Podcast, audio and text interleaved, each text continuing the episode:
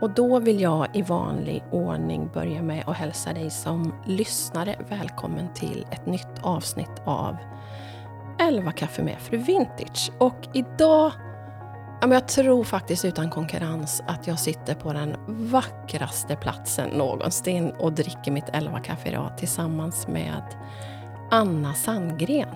Mm. Välkommen till podden! Tack! Tack Malin, kul! Väldigt kul och väldigt, väldigt, väldigt vackert. Vi sitter och ser ut över en sjö, högt upp som du sa, nästan som på ett litet örnnäste, Mm, uppe mm. på en kulle. Mm. Och det, dimman har precis lättat, solen strålar, det sprakar i brasan. Mm. Och jag hoppas att du förstår att du kommer inte bli av med mig nu. Jag kommer vara kvar. Du är så välkommen. Jag har inget inbokat de närmsta dagarna. Du- inte de nästa finns dagarna. Ja, men så fantastiskt vackert. Ja. Tack för att jag fick komma hem till dig. Ja men kul. Det känns ju som Det här är en... plats som min man hittade. Berätta den lilla historien Mm. innan vi, innan vi Ja. djupdyker i Anna. Ja. Vi har ju skog här uppe sedan eh, ett antal år tillbaka så, som har gått i arv i Kaspars släkt.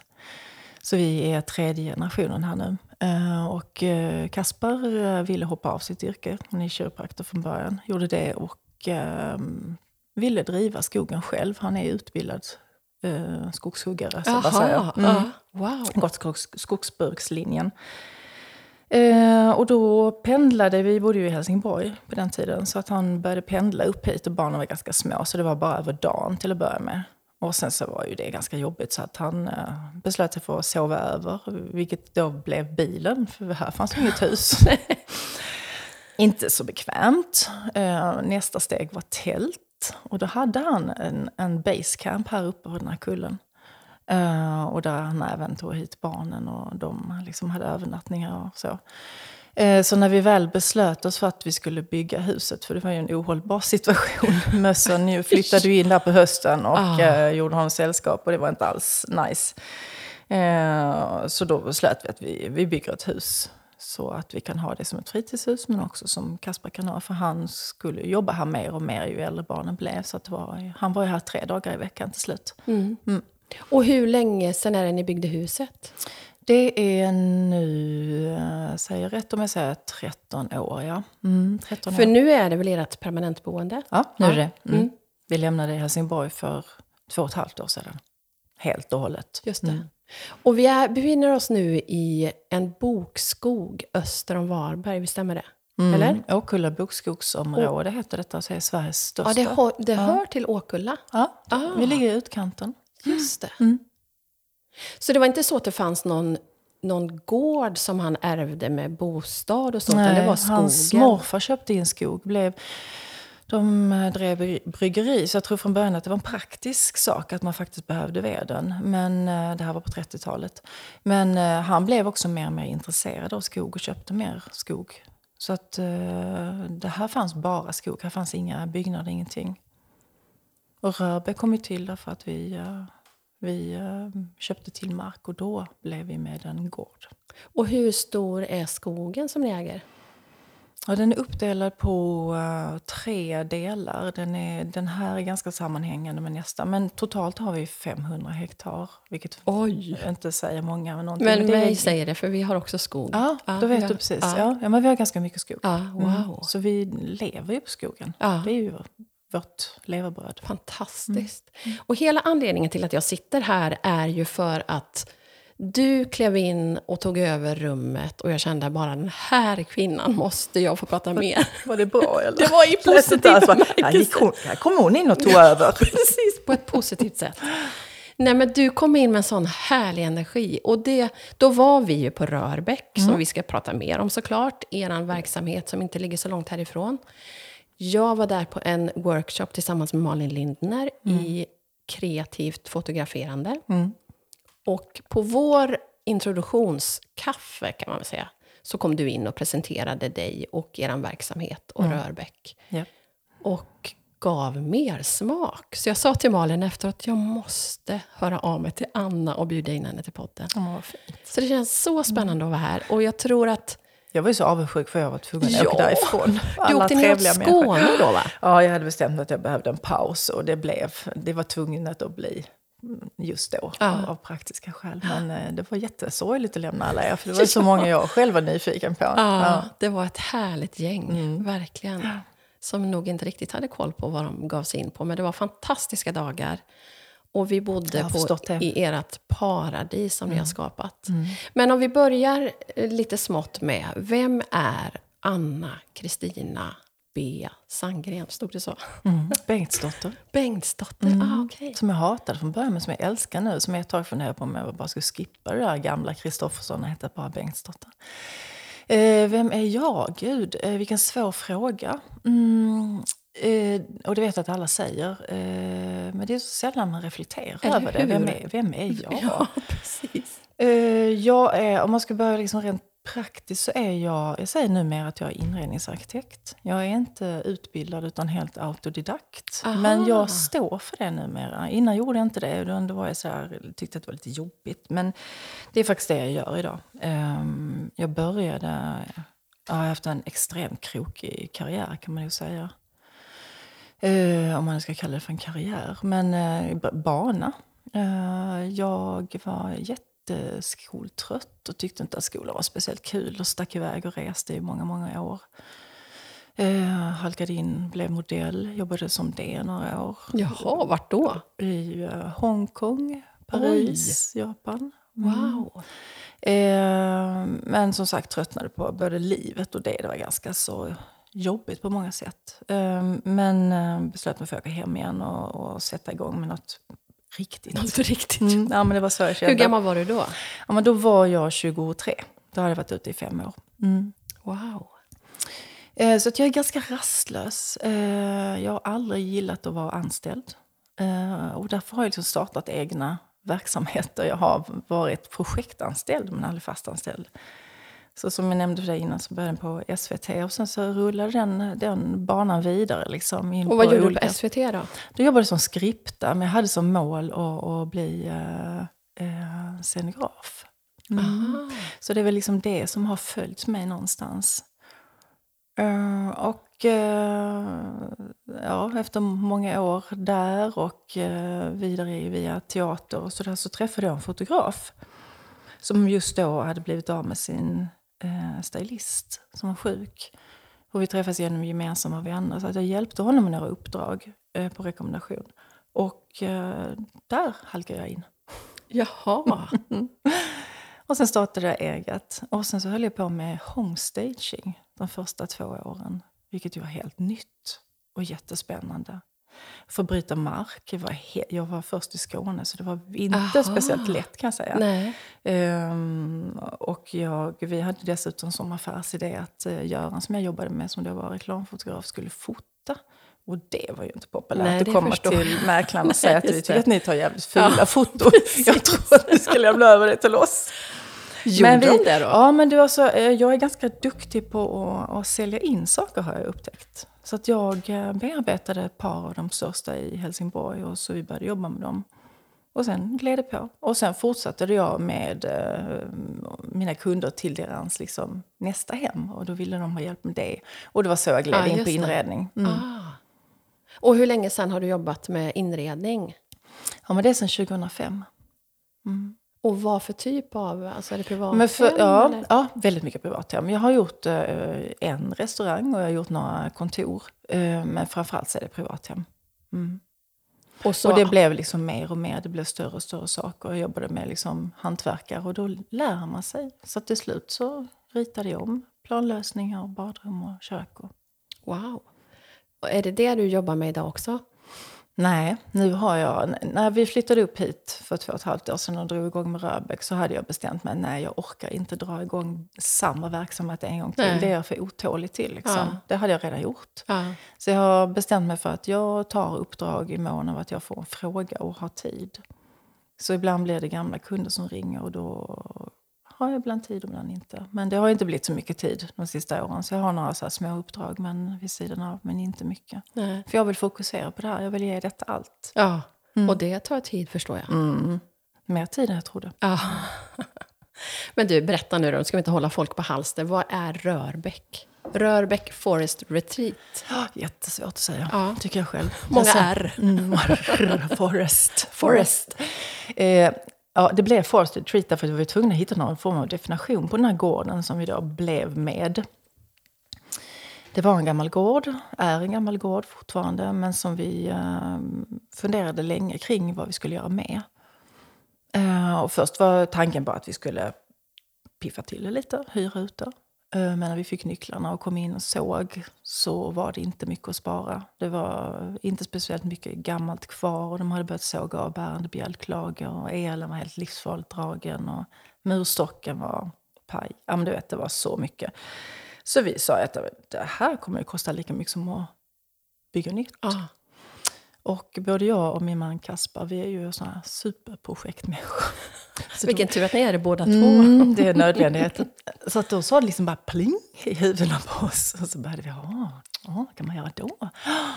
Ska vi bygga till barn? Nej, vi kan inte bygga någonting till barn. Herregud, det är ju liksom, det är inte ens säkert att de vill vara här överhuvudtaget. Så att nej, vi får bygga någonting annat. Och vi ska, så vi beslöt oss till slut att vi skulle bygga ett litet hotell.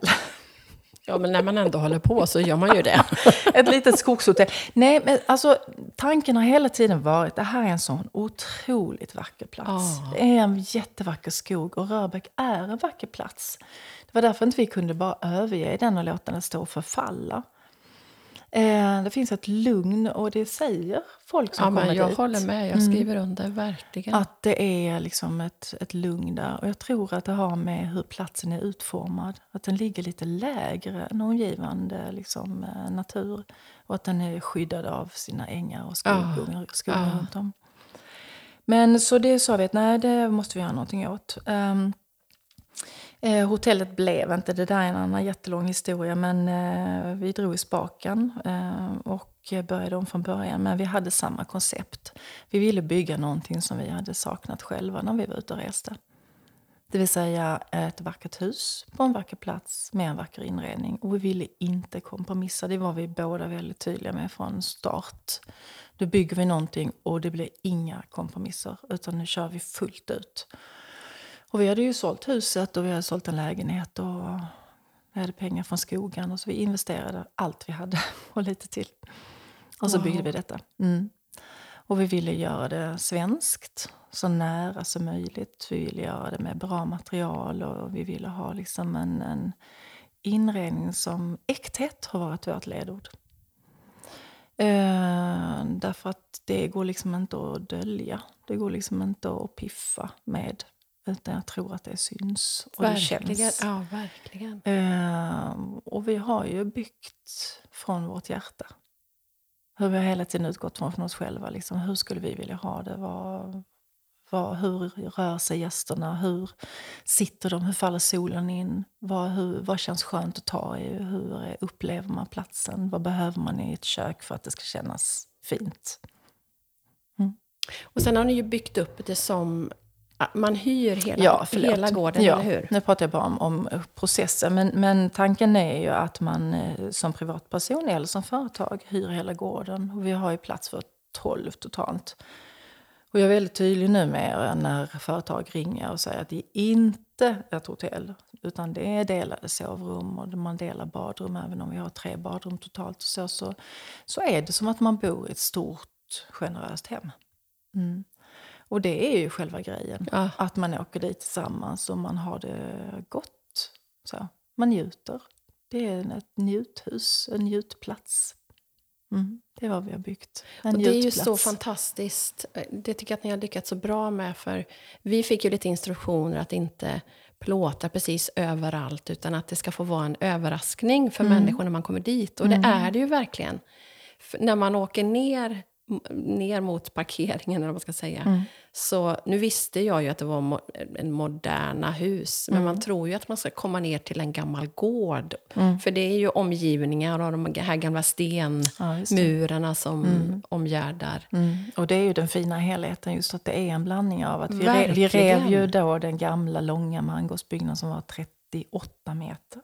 Oj! Ja. Det var ju liksom ett mangårdshus som var ihopbyggt med en loge som var ihopbyggt med stallar. Eh, och sen så ladan, det är därför byggnaderna heter mangårdshuset och ladan. För det var det vi rev. Och så byggde vi då helt ny, eh, modern arkitektur i de gamla fotspåren. Och plockade in en svensk kvinnlig arkitekt som heter Petra Gipp som är gammal nära vän till mig. Och som också har ritat det här huset. Mm. Så det var en jättekul process att eh, göra det här tillsammans. Mm. Det förstår jag mm. verkligen. Men historien kring gården, berätta mm. om den. Vi badade ju i, i lilla gropen Al där. Alvas badgrop. Mm. Vi har ju försökt att luska så mycket som det går. Så vi vet ju att eh, gården, den befintliga gården, eller förlåt, den gården som vi rev eh, var ju från början av 1800-talet. Eh, stenhuset som står och tronar, som är vår ögonsten, som är i mitten av hela alltet, är ju gårdens äldsta. Och det, den vet vi inte riktigt hur gammal den är. Den kan vara från början av 1800-talet, den kan också vara slutet av 1700-talet. För det har, lär ha legat en ännu äldre gård innan den Aha, gården som vi rev. Just det. Och sen ligger det en liten kvarn och ett bykhus nere vid bäcken. Och eh, Alvar, som var den sista personen som bodde där, han bodde med sin mamma. Han förblev ogift, som många. Eh, träffade en en kvinna som inte gick att gifta sig med och stannade kvar på gården med sin mamma som sen sedermera dog. Och han var där själv och skötte sina få kor, sina grisar, hade sin hund. Och vi köpte då gården av hans släkt. Mm. Så han dog på 90-talet, men fram tills dess så levde han där så som man gjort i, i liksom alla tider. Det vill säga man hade inget rinnande vatten, man hade inte el. Han fick el så småningom, men det var väldigt, väldigt sent. Jag tror att han fick el på 80-talet om jag minns rätt. Och han badade nere i kropen i, i bäcken. Och i ett badkar också, i, inne i bykhuset. Säkert inte ofta, men ändå. Precis. Och det var ju så fantastiskt att mm. sitta i den här stora badtunnan på kvällen i det varma sköna vattnet som man värmde med härligt. eld. Ja, och sen så ja. klev man ner i gropen där i, i bäcken. Vi hade ju det som liksom, eh, tanke att vi skulle vilja få ner folk i bäcken. Så vi har ju liksom berättat om den här badgropen. För att det är lite exotiskt. Man kan bada i en sjö, och man kan bada i en pool, men bada i en bäck gör man inte speciellt ofta. Nej. Så det är faktiskt lite häftigt. Och det är ju sandbotten där nere och den är liksom ändå hyfsat, om man nu får säga 70 centimeter djupt, men, men ändå liksom man kan krypa ner och doppa sig. Mm. Jag sa ju till min familj när jag kom hem, vi måste hyra det här och åka, för det är åh, så fantastisk plats. Mm. Men då när min man fick höra att det inte fanns någon bastu, han är ju finne. Mm. Den kommer. Ja, jag läste det nu. Den kommer. I bykhuset där nere. Ja. Mm. Det kommer ju Så det, den håller, det är Kaspars projekt just nu. Och han gör bastu. Mm. Och sen finns det ju pool. Så det finns sen ju... finns det pool, ja. Och det hade vi ju inte från början tänkt att ha. Vi var väldigt sådär tydliga med vad Rörbäck var för något typ ja. av ställe. Nej, man kommer dit och njuter och man badar i sjön, för det gör man i skogen. Man badar inte i pool. Och hur, ser, hur skulle en pool se ut på det här stället? Det skulle ju bara, nej, det gick inte. Men eh, vi landade i att vi behövde det till gästerna rent egoistiskt så om du, om du tittar ut här så har vi ju inte en enda granne här. Och detta är ju den närmsta sjön som våra gäster skulle bada i. Så då skulle ju vi få konkurrens om den här lugna, tysta. Ja. Men framför allt därför att vi skulle få Länsstyrelsen på oss om vi byggde en brygga på den sidan.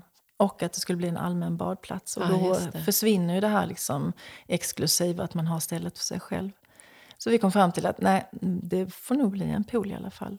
Men vi har ju byggt en, en, ett skogskärn istället. Ja, mm. så vackert. Mm. Det är mm. fantastiskt. Värt ett besök verkligen.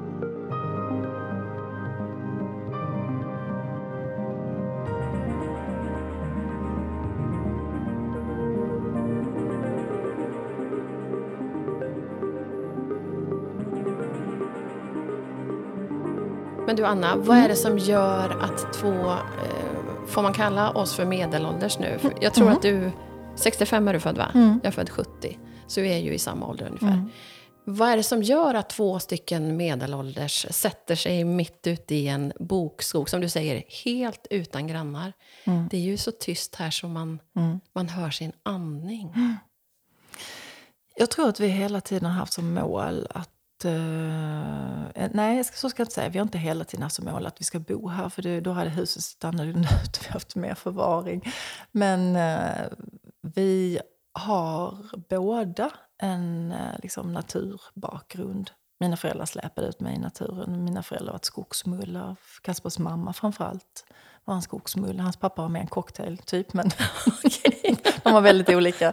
Men, eh, så vi har liksom naturen med oss och älskar detta. Och jag tror att ju äldre man blir, desto mer färdig... Eller jag var det i alla fall. Vad konstigt, jag, alltså jag har ju bott i extremt stora städer i mitt liv. Men, eh, och alltid trott att jag var liksom en stadstjej. Men upptäckte så småningom att nej, det var jag ju inte. Jag älskar det här. Jag behöver stan också. Jag kan inte bara bo så här. Så vi lämnar ju detta i, emellanåt och åker iväg.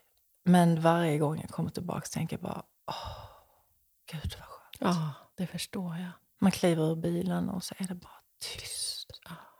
Jag älskar det. Det Jag får så mycket energi. Ja, det är Men det, är, det har ju sina nackdelar också. Det är ju lite ensamt att bo här, så det kan jag inte sticka under stol med. Så det är ju fantastiskt när man får besök. Ja, jag kan komma hur ofta du Ja, vill. när kommer du nästa gång? Nej, men jag, jag lyckades ju trots din fantastiska beskrivning köra vilse här i bokskogen. Och det är ju, jag blev nästan tårögd över hur vackert. Alltså, wow, vilken vacker plats att få bo så Ja. här. För jag menar, du kan ju, du kan ju söka upp stadslivet och pulsen när du vill. Men Ja. att få ha det här i vardagen. Mm.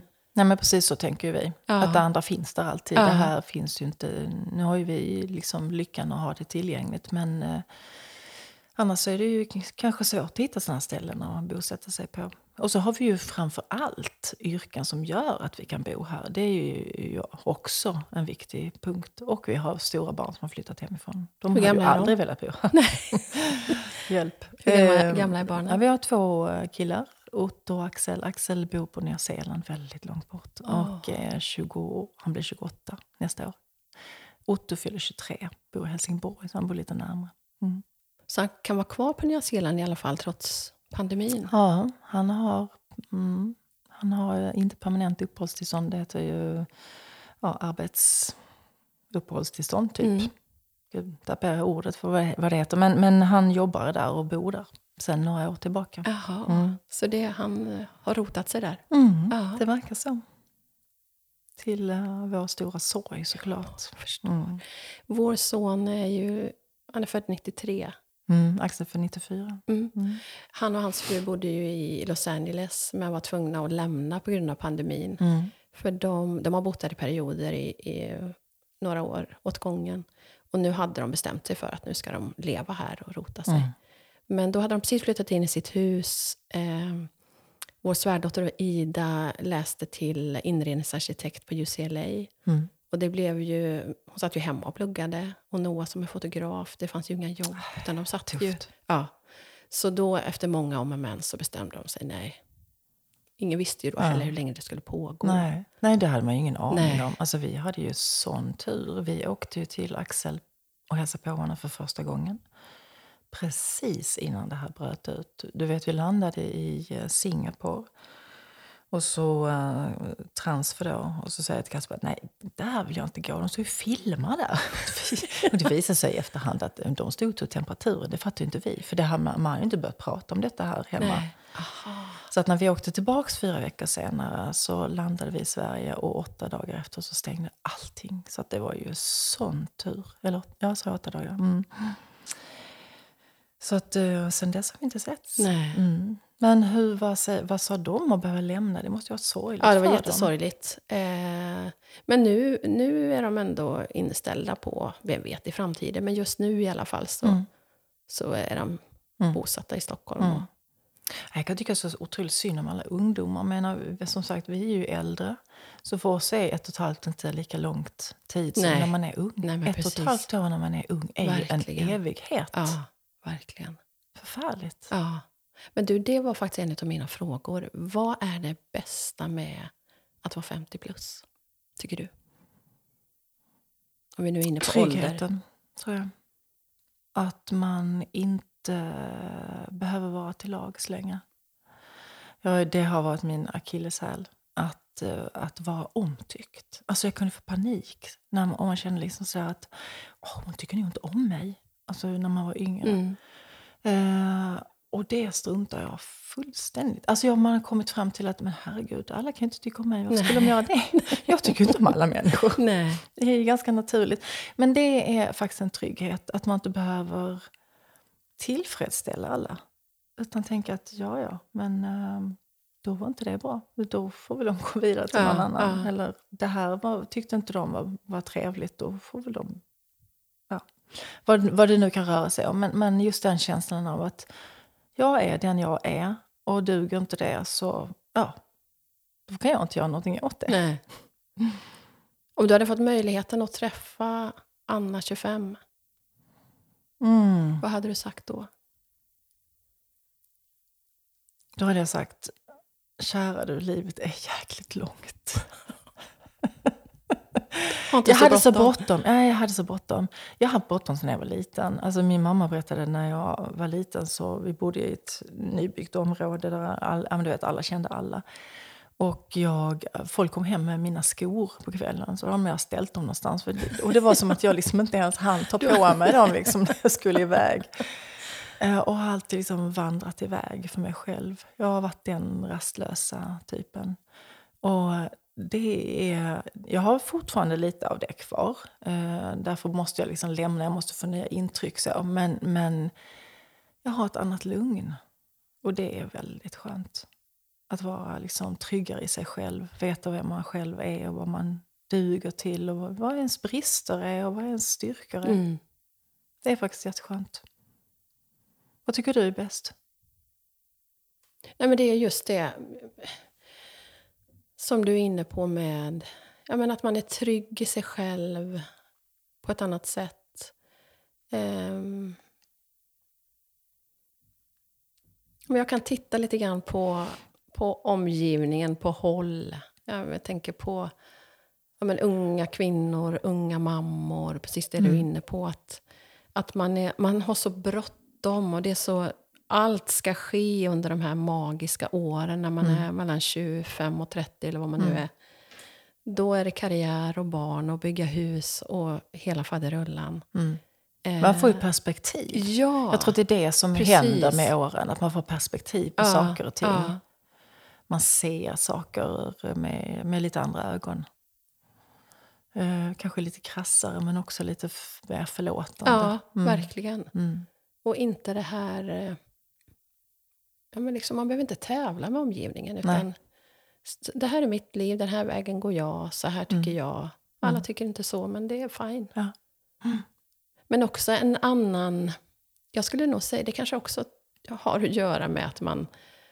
Jag ska inte säga att jag trappar ner på tempot, men att man inte lever i den här stressen, utan att man kan...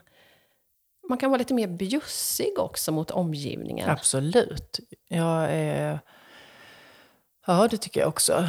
Jag har nog alltid varit ganska generös, men jag tror att det kommer mer och mer också med åren. Att man kan liksom... Ja, man kan gå fram till någon och säga Gud vad du är fin i håret. Eller vilken fin klänning du Mm, har. Så vet man liksom att man gör deras dag. Men också för att man vill och för att man vågar. Det hade man ju tänkt kanske många gånger innan, men det skulle man ju aldrig våga. Men det kan man göra idag. Ja, men precis. Man har inget att förlora Nej. på något sätt. Nej. Man är inte rädd att göra bort sig heller Nej, på samma sak, nej. sätt. Nej. Vi pratade Många saker ibland- var ju pinsamma förr. Ja, men precis. Mm. Nej, men verkligen. Vi pratar om det ibland, min man Mackan och jag. Han kan bli frustrerad över att Åh, varför lyssnar inte de unga vuxna på en? Han tycker att han har så mycket visdom Mm. att komma med. Och då brukar jag, ja, men lyssnade du när du var... Nej. Man får hela tiden backa tillbaks. Man får göra Mm, det och inse att mycket le, lär ju livet oss ut med vägen. Precis. Och jag tror inte att vi är, liksom inte, vi är inte för gamla, så vi kommer fortfarande, eller kommer fortfarande ihåg hur det var när man var 25, 20, 25, 30. Liksom. Det ligger ändå i minnet ganska nära. Även om det är Verkligen. många år sedan. Ja. Så ligger det ganska nära. Man vet precis hur det kändes och hur man upplevde saker och ting. Eh, och då är det ju bra att ha med sig. Men skulle jag vilja att min pappa kom och sa Precis. nu du Anna ska du få lyssna på mig och se nu mina gör vi så här." erfarenheter. Nej, man måste göra dem själv och det är ju Mm. jätteviktigt. Jag tror att det är det viktigaste. Man kan ge barnen den friheten att få göra sina egna misstag och, och sina, välja sina vägar Mm. och inte styra dem över det. Vad har varit det viktigaste för er att skicka med ut med era killar ut i livet? Ja, men det är nog en uh, trygghet att allting går. Varken Kasper eller jag har ju en formell utbildning. Jo, det har ju, Kasper är ju kiropraktor, men vi har ju inte gått liksom den raka linjen så att säga. Från liksom grundskola till gymnasiet till högskola. Utan vi har uh, valt en lite krångligare väg. Uh, och det har vi försökt ge våra barn. Att eh, stressa inte över det där. Alltså livet är väldigt, väldigt långt. Om du inte vet vad du ska bli just nu så kommer det komma. Mm. Och det löser sig. För det är en, en enorm hets och press på det idag. Ja. Att man ska bli, och framförallt om man ska bli någonting. Alltså, och någonting är, innebär liksom någon form av liksom, kändisskap, pengar. Alltså det är, så, det är så stort och kravfyllt idag. Förr var det liksom bra nog att bli ett yrke. Ja. Idag måste det yrket klinga snyggt. Liksom. Och det tycker jag är lite sorgligt. ja, verkligen. Och det kommer ju också med åldern. Att det förstår man ju sen att men livet är ju mer än bara ett yrke. Det är ju allt det här andra som man fyller det med liksom samtal med vänner, med hur man har det liksom runt omkring sig, ens intresse och sina tankar och sin mående. Mm.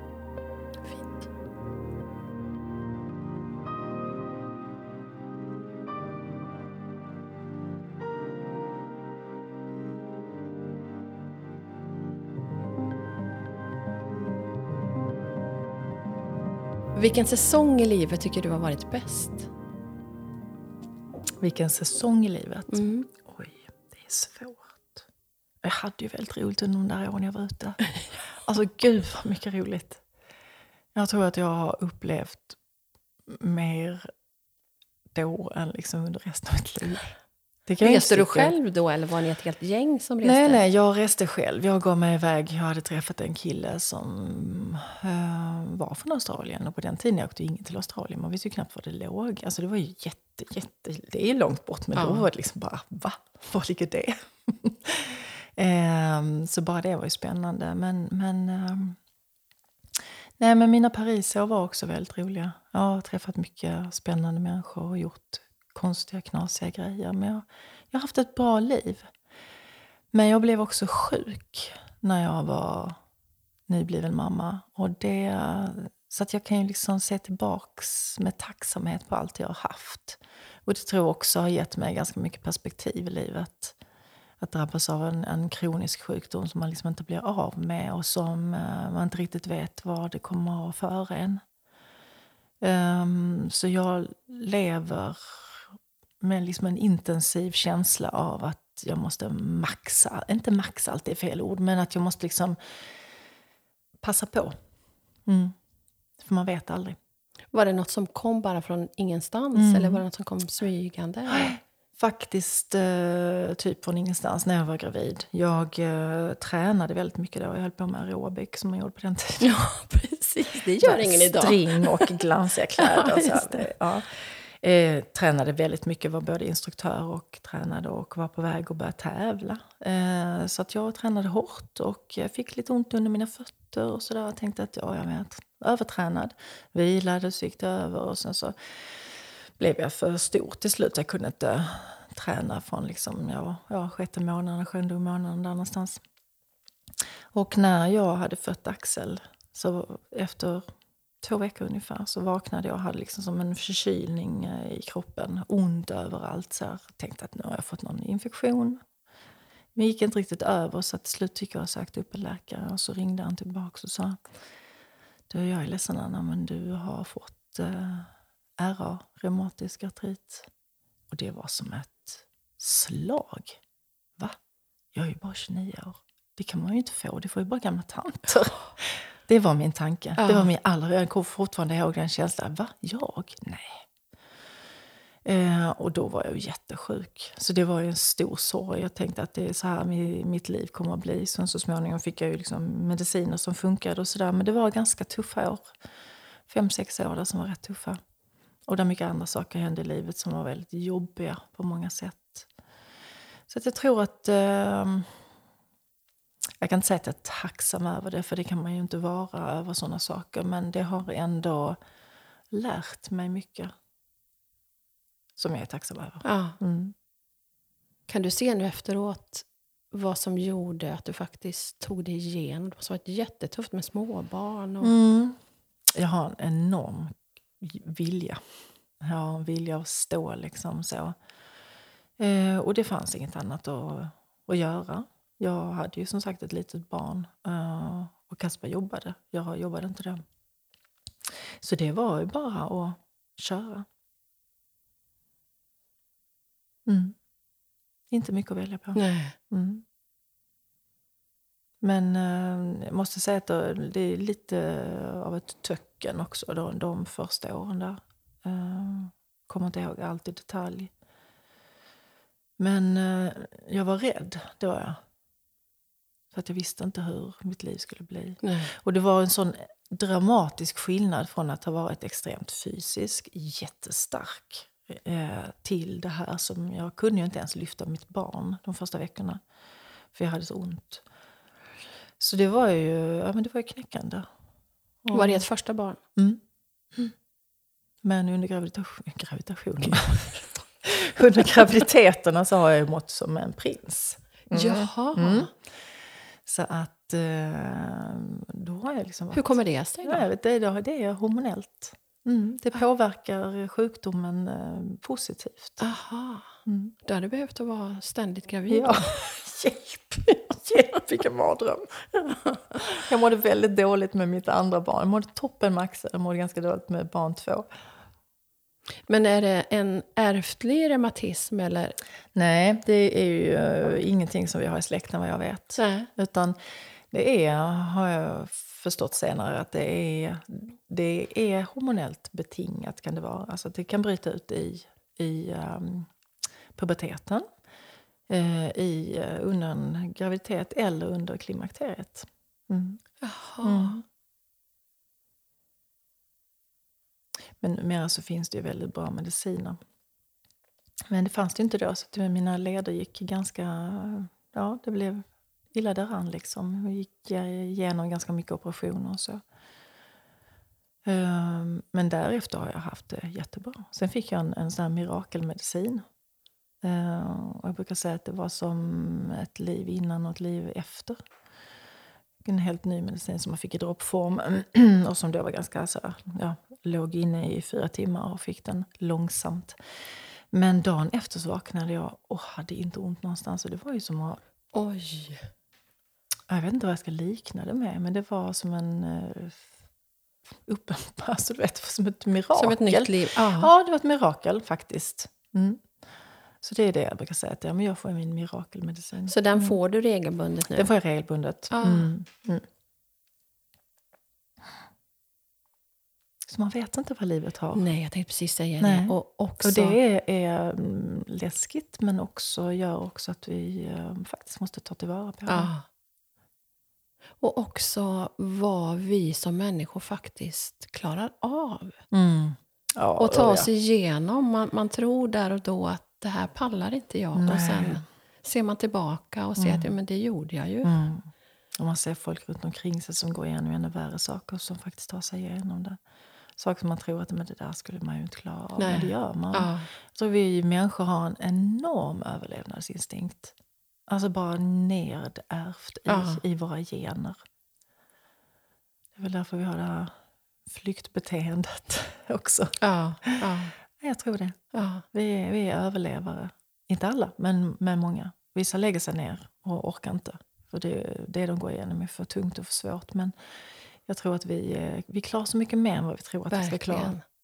Mm, och det är ju lite häftigt. Verkligen. Och det önskar man att man kunde berätta för sina barn när de har det svårt. Att eh, liksom, du kommer att komma igenom det här och det kommer att bli bättre dagar också. Så. Och, och också som du var inne på, även om man inte är tacksam för det man drabbas av så formar det ju en Mm. till någonting som man kanske inte hade Mm. varit om man inte Mm. hade gått igenom de där tuffa passagen. Mm. Men kan du se nu när du ser tillbaka Liksom, har du upplevt det som att... Liksom att det har begränsat dig? Att du inte har kunnat göra saker som du hade ja, vissa, velat? Vissa saker ju, kan jag ju inte göra. Jag kan inte jogga, men jag har aldrig varit en joggare. Så det har, inte, det har liksom inte varit en... en Du slipper att jogga helt så. enkelt. det har inte varit ett problem, om man säger så. Men det är klart att nu är jag ju mer begränsad. För nu, har jag liksom, nu är jag tyvärr inne i en ganska kass period igen. När jag har en fot som inte riktigt vill. Och det, det är... Det kan jag nästan inte prata om utan att börja gråta för det är väldigt sorgligt för mig. Mm. För det är min största rädsla att jag liksom ska bli handikappad och inte kunna göra det jag, jag vill och Mm, bli mm. begränsad. Ehm, så att ehm, nu kan jag inte riktigt göra det jag vill längre. Jag kan inte ut och klättra och vandra överallt där jag vill liksom för att foten strejkar. Mm. Har ni gjort det bakåt i tiden? Vandrat och klättrat? Ja, jag har ju alltid, det har ju liksom varit min motionsform. Efter att jag inte liksom kunde hoppa och skutta längre så, så har jag liksom hittat andra sätt att röra på mig och motionera som jag verkligen älskar. Och det är att gå. Ja, Jag kan ut och gå snabbt om jag liksom vill få upp pulsen och svettas. Men jag kan också bara gå ut och långvandra. För att det är en form av meditation för mig. Jag kan ju inte sitta i, i lotusställning. Så därför, så därför blir Det vandring slipper du också. Ja, så därför blir det liksom så här, plocka svamp och ut och långvandra. Det, blir, det är min meditation. Ja. Är det något intresse ni har gemensamt? Eller är Nej, det något gud. tid som Ah. du tar själv då? Nej, eh, Kasper går ut och tittar på träd och jag plockar svamp. Men då kan ni vara i alla fall i samma ja, sfär. det kan vi vara. Nej, han följer med ibland, men det gör ingenting. Jag tycker inte att man måste göra precis allt Nej. ihop. Vi gör väldigt mycket ihop. Vi är ju som lång och lerhalm liksom, och vi har haft det här extremt långa projektet som vi har hållit på med nu i, i åtta år. har vi hållit på med detta. Eftersom vi först skulle bygga ett hotell som sen inte blev av. Så att... Eh, och de sista tre åren har vi ju liksom jobbat fysiskt med det. Jag har ritat och han har varit väldigt hands-on på plats med bygget. eh, Så, så att vi har fått dela upp liksom våra Mm. uppgifter. Men, eh, så att vissa saker kan man göra själv och många saker vill man göra tillsammans. Hur länge har ni hängt ihop? Nästa år är det 30 år. Bra jobbat. Jag kom in som hans patient. Är det sant? Ja, under tiden när jag höll på min, eh, min eh, hopp och skuttgympa. Eh, så fick jag plötsligt ont i ryggen, vaknade en morgon och bara gud, nej, jag, alltså, jag kunde inte röra mig. Jag tänkte, Vi kom till jobbet så sa jag nej, jag måste till en läkare. Har vi någon läkare knuten till oss? Och så hade de en, en idrottsläkare som inte kunde ta emot mig akut. Och som då sa att nej, men det finns en kiropraktor som precis har börjat här i Lund. Han heter Kasper Sandgren, jag vet ingenting mer. Men eh, så jag testade. Ringde, bokade en tid. Och när jag la på så tänkte jag, vad snygg han lät. Ja, men det, det här är helt sant. Det, det är en sån, märk- det är en sån eh, liksom, rolig historia. Men det var precis det jag tänkte, vad snygg han lät.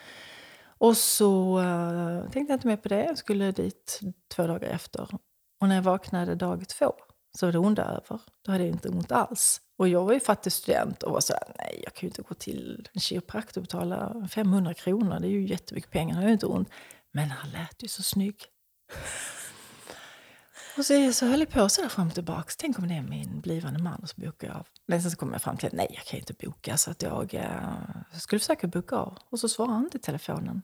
Så jag tänkte, men då får jag väl gå och kolla ryggen en gång. Och så kom jag dit och så öppnade han dörren och så var det bara kört. Mm. Men wow. Hur gammal var du då? Då var jag, jag måste jag räkna baklänges, var jag 27 eller 28 när vi träffades. Ja. 27 måste jag ha varit. Och det var kärlek för båda två? Mm. Mm. Det var det faktiskt. Så besök nummer två, då, vi har ju pratat om det här i efterhand såklart jättemånga gånger. Så besök nummer två, då hade han bokat ut dubbelt så lång tid. Och han hade också pratat med sina kollegor och liksom så här, rent etiskt, hur gör man om, vill, om man vill dejta en patient? Liksom. Och där hade han sagt att nej, du måste jag avsluta det först, du får inte dejta under. Nej, nej, nej, det förstod han ju. Så. Och jag hade ju kommit tillbaka till jobbet efter första omgången och sagt att men jag vet att han inte bor i Lund, hur ska jag träffa honom? Alltså, jag är helt, mest kär. Jag var så uppfylld. Så jag hade liksom redan en plan. Så besök nummer två, då tog jag emot till mig och bjöd ut honom på en fika. Och så sa han att eh, jag kan inte fika men jag har lite telef jag har telefontid nu men jag kanske kan få bjuda dig på lunch sen. Och så var det. På den vägen är det. Wow! Mm. Vilken gullig historia. Är den? Och just att jag tänkte, tänk om jag är min blivande man och så bokar jag av. Och så blev det det. Och så blev det det. Det är lustigt. Det var meant to be, som Ja, vi säger. verkligen. Ja. Hur har, ni, hur har ni gjort då genom åren för att faktiskt hänga ihop fortfarande efter 30 år? Jag tror att det är viktigt att ha väldigt mycket gemensamt men också faktiskt att ha sin egen tid.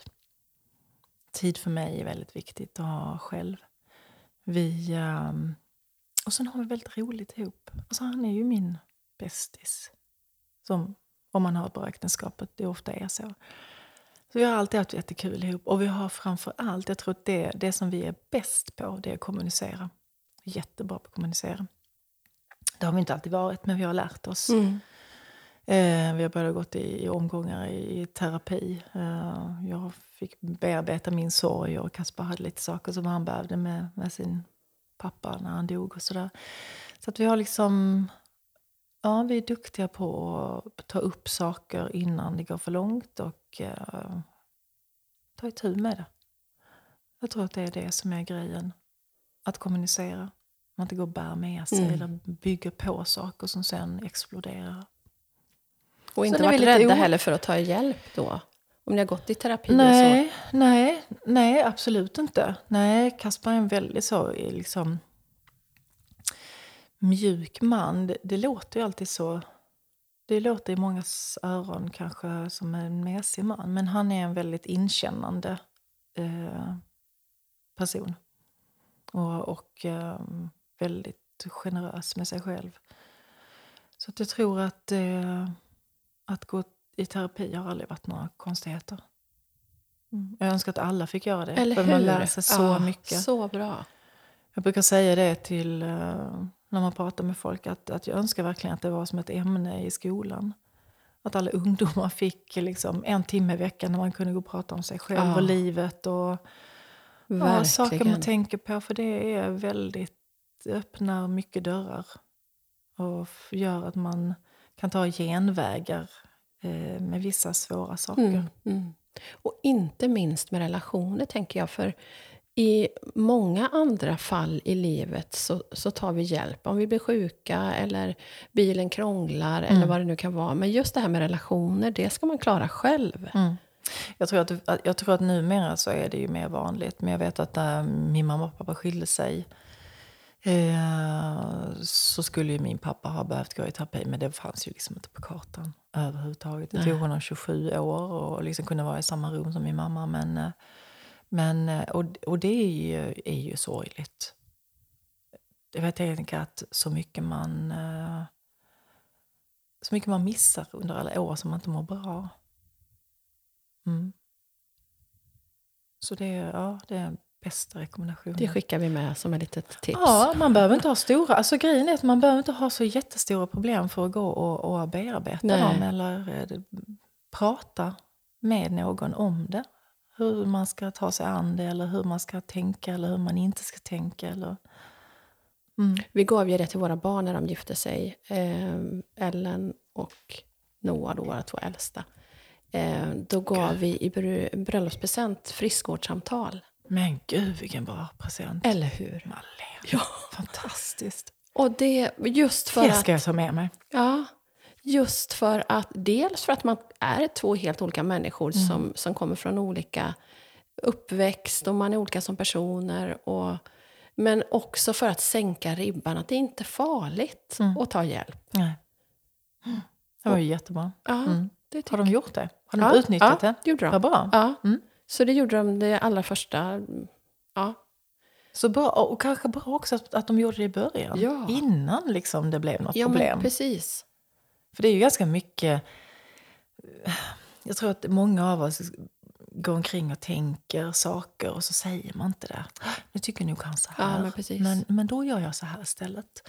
Och så blir det missförstånd Ja. och så bygger det på och så blir det värre och sen kanske det till slut brakar. Ja, Och det, så är det ju. Liksom. Det kommer ju stunder i ens äktenskap om man har varit tillsammans under så lång tid. Där man har det liksom mer eller mindre bra. För man är i olika perioder. Ja, man är mer eller verkligen. mindre sliten. Mm. Det har hänt saker. mm, man kanske liksom, ja, får, ska tampas med olika problem. Och det sätter ju eh, en stress på ett förhållande. Verkligen. Verkligen. Och då är det ju jättebra att ta hjälp. Ja. Mm. Det skickar vi med Mm, absolut. ut i etern. Mm. Ta hjälp. Boka tid, hörni. Boka tid. Ja. Anna, vi ska börja knyta ihop påsen. Nej! Jo, det, det, alla säger ju det och jag Ja. med. Det går ju så fort när man, Ja, när man har trevligt. ja, verkligen. Jag tänker att eh, du var inne på när du var yngre, den här hetsen att, att vara omtyckt och att det, liksom, det är det som driver en. Vad tycker människor? Man ska vara folk till lags. Mm. Vad skulle du säga är det som driver dig idag? Vad som driver mig rent generellt? Ja, vad driver dig i det du gör? Nyfikenhet, lust. Alltså jag är en sån lustmänniska. Gud, det lät inte alls bra. Det är Eh, härligt tycker jag. Mm, men jag är väldigt eh, lustdriven och kan inte göra saker som bär mig emot. Så jag tror att det är det som driver mig i de olika projekten. Jag går på magkänsla. Min magkänsla har, ja, den har varit klockren alltid. Så den, den styrs jag av och den litar jag till 100% på. Det var ju ett helt galet projekt det här som vi egentligen drog igång. Men att starta ett litet hotell mitt ute i skogen i ingenstans, liksom, det gör man ju inte. Det var ju galet. Men det var verkligen en sån stark känsla vi båda hade att det här, det här är någonting som folk behöver. Ja. Att komma ut i den här miljön. Och vi, vi, jag ska också säga att vi startade detta långt, långt innan pandemin. Långt innan det blev en trend att vara i i skogen. Och in, inte för att liksom, oh, vi startade långt innan vi var trend. Det är inte så jag menar. Men vi hade ju de här tankarna och därför så var det också ganska så dumt. Därför att det fanns liksom ett, ett, ett behov. Nu finns det ju det såklart. Men, eh, men det, var, det var ren instinkt att nej, det här kommer bli bra. Mm. Så det driver mig. Min mage, och min lust Ja. och min nyfikenhet. Ja. Jag, vill, jag kan liksom inte sätta mig ner och begränsa mig och tänka att nu är du 56 år, Anna, du kan väl inte göra så här? Jo, va? Varför inte det? Jag, är- jag är bara 56 år, tänker jag Eller istället. hur? Ja. Verkligen. Jag har jättelång tid kvar. Ja. Och jag har massor med saker jag vill göra. Jag vet inte om jag är färdig. Ehm, men jag har ju massor med tankar kring Rörbäck. Jag vill ju inte bara gå och, och liksom bädda sängar där. Det var inte Nej. riktigt det som var min tanke. Utan jag vill ju koppla på massa saker som inte har varit möjliga under pandemin. Men det är min drivkraft. Och vad är drömmarna framåt? Eh, frihet har varit ett ledord för oss när vi skapade detta. Att eh, kunna styra över min tid, över mitt liv och göra saker som eh, jag mår bra av. Eh, och att driva Rörbäck framåt och utveckla det till en ännu skönare plats. Ja, går det? Mm. Ja, fantastiskt. Nu ska vi släppa in eh, lilla kissemissen som sitter där och, och vill in. Ja, vår lilla uggla står där utanför och krafsar. Krafsar på. Tack, tack snälla Anna för Ja, att jag fick komma hit. En ynnest att ha det här. Tack för ett jättefint samtal. Och nu ska vi fortsätta det med Mm. lite lunch här med vy över. Jag önskar att alla fick se den här vyn. Mm. Den är Fantastiskt. härlig. Mm, den är, härlig. Den är fantastisk att vakna upp till. Ja, det förstår jag. Tusen tack. Tack själv. Hej då. Hej.